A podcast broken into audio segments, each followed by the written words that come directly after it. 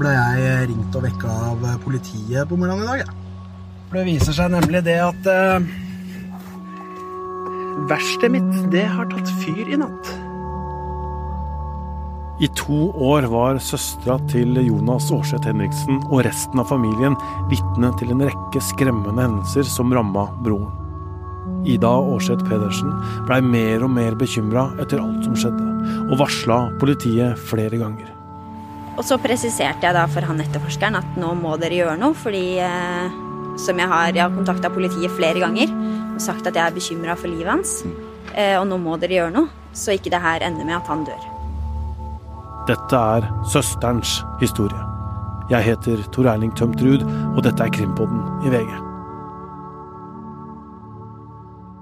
Omtrent samtidig som kollegaen min står utafor Hønefoss kirke og snakker med søstera til Jonas Aarseth Henriksen, så slipper tre menn ut av varetektsfengsel. Én er ute allerede. Disse fire, og den siste, som ennå er fengsla, er fortsatt sikta for drap eller medvirkning til drap. Men nå kan de altså bevege seg fritt. Ida Aarseth Pedersen, søstera til Jonas, sier at det er en påkjenning hun gjerne skulle vært foruten nå som det nærmer seg jul. Morten Hopperstad, krimjournalist her i VG, du har akkurat kommet tilbake etter å ha snakka med Ida Aarseth Pedersen. Og det hun starter med å fortelle om, det starta i begynnelsen av august i år. Ja, det stemmer. Det er eh, da fredag 4. august. Eh, på denne tida så lever jo Jonas, eh, og hun ble da kalt inn til et vitneavhør hos politiet. Og litt av bakgrunnen for det skyldes jo disse truslene og hærverkene som, som VG har både skrevet og, og snakka mye om. Det som har skjedd nå, er at, at noen dager før dette avhøret så er det blitt tagga Tyster-Jonas rundt omkring i Hønefoss og Hole. Uh, og hun, Politiet vil nå vite hva hun har, har, av informasjon om dette. og det hun sier til oss i dag, er jo at noe av årsaken til at hun faktisk ble kalt inn som vitne, er at navnet på mannen hennes òg ble tagga sammen med, med, Jonas enkelte av disse stedene. og i tillegg så har hun andre ting på hjertet som hun også vil snakke med politiet om. Nei, jeg var jo veldig fortvila. Det er klart det hadde vært veldig mange hendelser. Og da når det på en måte i tillegg ble trukket inn flere i det, så, så var det veldig opprørende. Um, så jeg bare sa det jeg visste, eller det jeg tenkte kunne være interessant i forhold til det. Og så presiserte jeg da for han etterforskeren at nå må dere gjøre noe, fordi eh, som jeg har, jeg har kontakta politiet flere ganger og sagt at jeg er bekymra for livet hans. Mm. Eh, og nå må dere gjøre noe, så ikke det her ender med at han dør. Det går nesten to uker etter dette vitneavhøret. Så får Ida en telefon fra kollegaen til Jonas. Hun setter seg i bilen og kjører av gårde. Nei, jeg reiste jo umiddelbart opp til åstedet, og da hadde patruljen akkurat kommet. Eh, og den første reaksjonen min var jo at jeg blei veldig forbanna på den patruljen som var der. Mm. Eh, og min umiddelbare reaksjon var jo at, at hadde dere beskytta han, så hadde ikke det her skjedd. Kan du ta oss tilbake til når du kommer opp dit? og så ser dere Jonas da? Det, hvordan ja. opplever du den situasjonen som er der? Nei, eh, vi parkerte jo bilen eh, ved vår, da. Ved sperringene. Og så var det et stykke da innover. Så jeg husker jeg løp alt jeg kunne. Og fikk da se han sittende i bilen. Hvordan var dagene etterpå eh, at dette her skjedde? Det er klart at eh, for oss så var det jo to mulige eh, hypoteser. Altså at han enten hadde fått hjertestans eller, mm. eller at det hadde blitt utsatt for noe kriminelt. For oss så var det helt utenkelig at han skulle ha tatt livet sitt. Um, og jeg reiste ikke derfra med en god følelse. Så når vi da skulle bli kalt inn den lørdagen for å få, få informasjon om den pressemeldingen før den gikk ut, mm. så var jeg ganske sikker på at vi skulle få beskjed om at han var drept. Sa du noe da til politiet den ja, lørdagen? Ja, det, det, gjorde jeg. Mm. Da var jeg ordentlig, ordentlig, sint og sa det at jeg, at jeg skjønner ikke hvordan man kan la dette skje i et land som Norge, da. Alle disse truslene, eh, hærverkene og volden eh, var jo godt kjent i offentligheten.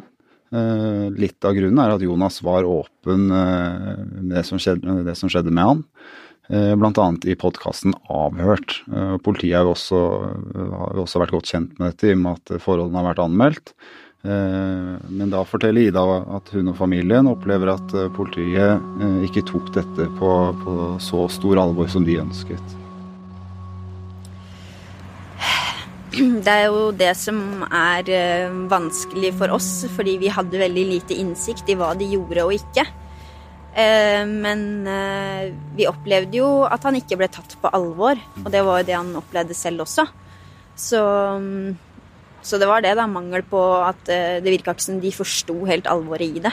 At jeg, jeg, kan også skjønne at noen av hendelsene virker kanskje ikke så, så alvorlige, men jeg mener når du blir overfalt på morgenen på vei til jobb, og at noen eh, forsøker å påtenne motorsykkelen din utenfor leiligheten din, så er det veldig alvorlig. Og ikke minst den redselen han gikk med. Eh, og når du ytrer det gang på gang, så burde det i seg selv, syns jeg, vært nok til å, til å ta tak i det, da. På et mye grundigere nivå. Vi hører jo Ida fortelle om det nå. Denne rekka av hendelser som ramma Jonas, og som han fortalte om sjøl òg. I 2021 og 2022 var det tre branner. Én bobil ved et verksted og to lastebiler som Jonas eide, brant. Disse har ikke politiet med i drapsetterforskninga, men nå er det en del av det andre skremmende som skjedde med ham, som politiet ser i sammenheng. Ja, og det, det har jo politiet nå beklaga at de ikke tok bedre tak i. Eh, det er hendelsene som skjedde fra og med mars i år. Eh, da fortalte Jonas om at han var blitt overfalt og banka opp av to menn i Tønsberg. Eh, I juni så filma Jonas en person som var utenfor boligen hans, eh, og bl.a. en bil som eh, tilhører firmaet hans ble utsatt for hærverk. Og så er det jo da den 31. juli hvor tag, disse tag-episodene, altså hvor det ble spraya Tyste-Jonas flere steder i Hønefoss og, og Hole, da. Det, det, er en episode, og det er litt forbehold, men vi har hørt om episode om en, en mystisk bil på gårdsplassen ja. Eh, når, når, skjer dette, og hva er omstendighetene rundt den, den bilen? Det skjer eh, natt til 4. august. Så jeg fortalte det i avhør.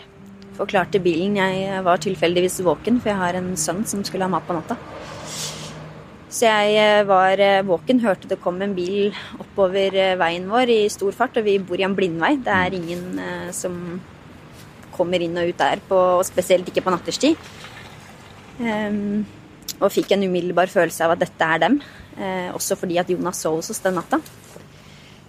Um, så jeg uh, la sønnen min uh, i senga si og hoppa bort til vinduet, og da, da rakk jeg bare å se bakenden på bilen. Men det var som jeg sa til politiet, den, den var målretta. Den kjørte fort opp til huset vårt. Eh, snudde ekstremt fort. Det var ingen som gikk ut av bilen, det var ikke noen bildør som gikk, ingenting. Og så var det fort ned igjen.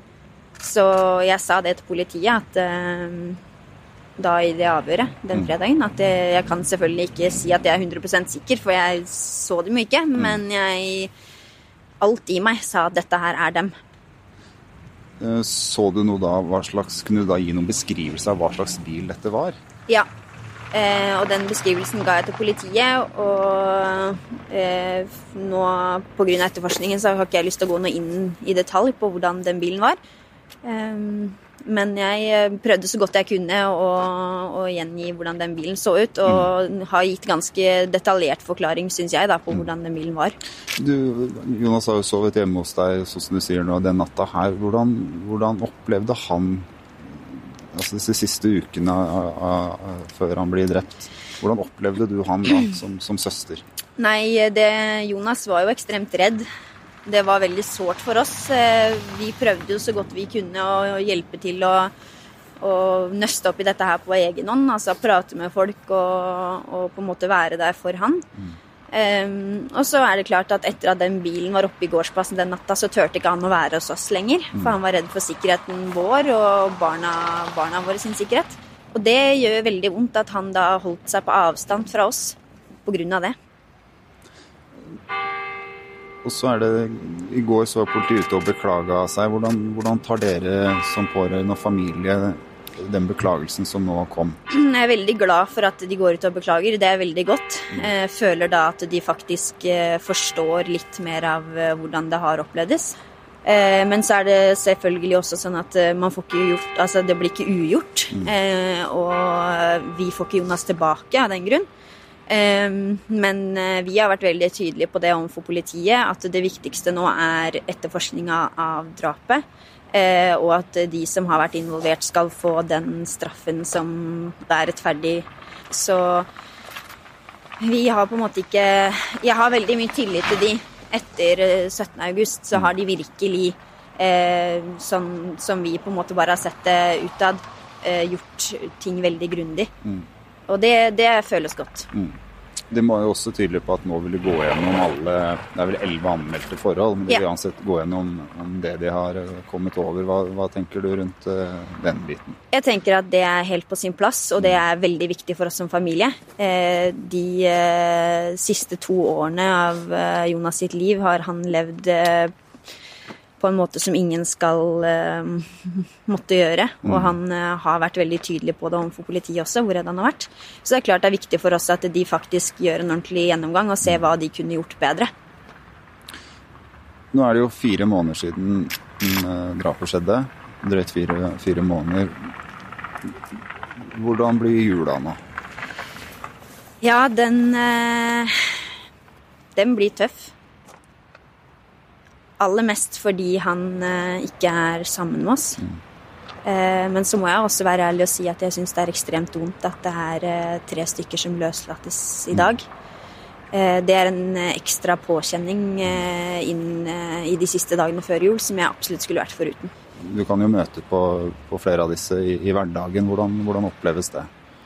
Det, det, er ingen god tanke. Mm. Eh, det er klart eh, Så fort jeg går inn på butikken, så er jeg, sonderer jeg fort terrenget på om det er noen der som jeg egentlig ikke har lyst til å møte på. Samtidig så er jeg veldig opptatt av at eh, de har ødelagt nok. Og det stopper nå. Det skulle ha stoppa for lenge siden. Ingen av de siktede erkjenner straffskyld.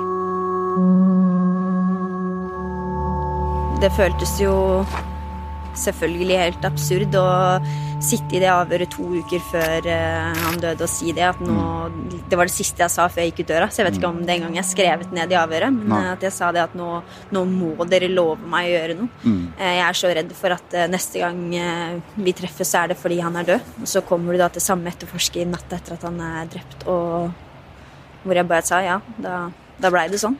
Og det Det føles um, på en måte ut som at det er dette som måtte skje mm. for, at, for, at, de skulle ta tak i det. Mm. Og det tenker jeg at sånn kan vi ikke ha det i et land som Norge, mm. hvor det skal være trygt og alle betaler skatt og bidrar til samfunnet, så burde man absolutt få hjelp når man trenger det. Etter at vi er ferdig med intervjuet, så går Ida og jeg bort til graven til Jonas. Er du her ofte? Eh, både òg. Det går kanskje litt sånn i, i bølger. Ja. Men eh, jeg har eh, i hvert fall sørga for at det alltid er lys her. Ja. Vi har jo alltid vært veldig tett. Ja. Eh, så ja. Det er klart at alt som på en måte har eh, berørt ham Og han har jo alltid ringt mm. rett etterpå, så så blir man jo så rådvill og fortvila, fordi vi vil jo så gjerne hjelpe han alle sammen. Ja. Og så er det liksom det eneste jeg Jeg har jo ringt politiet flere ganger. Um, det er det eneste jeg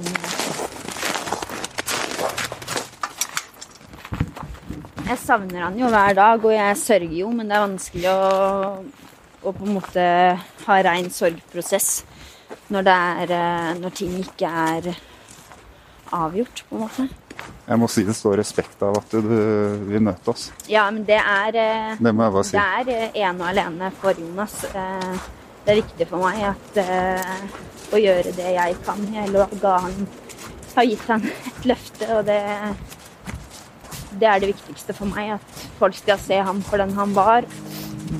Og at han skal få den rettferdigheten som han skulle fått for lenge siden. Hva slags løfte var det? Det var at jeg skal gjøre alt i min makt for at han skal få rettferdighet.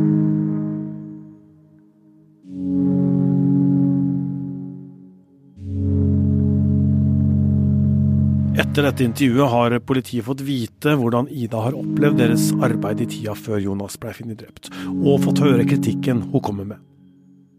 Det er påtaleleder i Sør-Øst politidistrikt Kjell Johan Abrahamsen som svarer, og kollegaen min Ola Haram spør hvorfor klarer ikke politiet å se sammenhengen mellom alt det som skjedde med Jonas? Nei, jeg tenker at det er eh, et fullt forståelig spørsmål. Ehm, og så, er det likevel sånn at eh, vi som jobber i politi og påtalemyndighet, vi, vi har veldig mye alvorlige saker. Det, det er ikke noe unnskyldning, men det, men det, kan være en forklaring. Og det å, det å se hvilke saker som, som har potensial til å bli så alvorlig som det denne viste seg å bli, det, det, det er ofte en veldig vanskelig øvelse. Men, men, jeg har ikke noe godt svar på de spørsmålene som betimelig reiser. Eh, jeg håper vi klarer det når vi evaluerer og gjennomfører en fullstendig saksgjennomgang. For søstera sier jo til oss da at hun 13 eh, dager før drapet eh, faktisk sier til den som gjør avhøret at hvis ikke du gjør noe nå, så er jeg redd for at Jonas er død neste gang vi snakkes igjen. Ja. Hun fikk rett, da. Ja, dessverre. Eh, og, og, igjen, jeg har, noe, jeg har, egentlig ikke noen sånn god forklaring på det. det. det. er en fryktelig tragisk sak. Eh, eh, så, så, vi må bare forsøke å, forsøke å lære. Det, er derfor jeg også på vegne av politidistriktet ut, uttrykte vår beklagelse fordi saken ikke har fått den oppfølging som de kunne ha fått.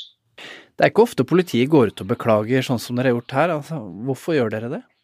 Nei, eh, men det er vel heller ikke en, eh, en vanlig sak heller. Eh, bakgrunnen for det er at Jonas oppsøkte politiet gjentatte ganger fra mars 2023 til august 2023. Han anmeldte elleve straffbare forhold. Han oppsøkte oss også ytterligere utover det, uttrykte frykt for egen sikkerhet og var redd. Og ba sånn sett om hjelp. og i, i, en sånn situasjon, og faktum viser at vi ikke klarte å forhindre den eskaleringen som endte i et drap, så, så har vi funnet uh, riktig å uttrykke vår beklagelse for at de sakene ikke fikk den oppfølgingen de kunne ha fått. Uh, så skal vi gjennomføre en fullstendig saksgjennomgang. Etter beste evne forsøke å, å, lære av det. og Når utfallet av den foreligger, så, så, skal familien bli de første som, som blir orientert om, om hva vi, vi, finner ut av der.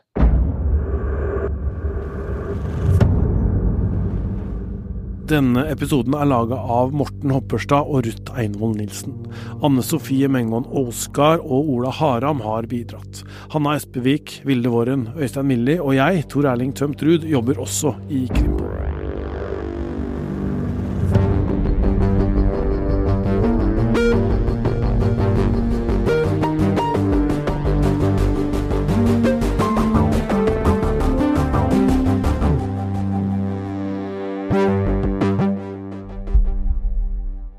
Har hørt en podkast fra VG.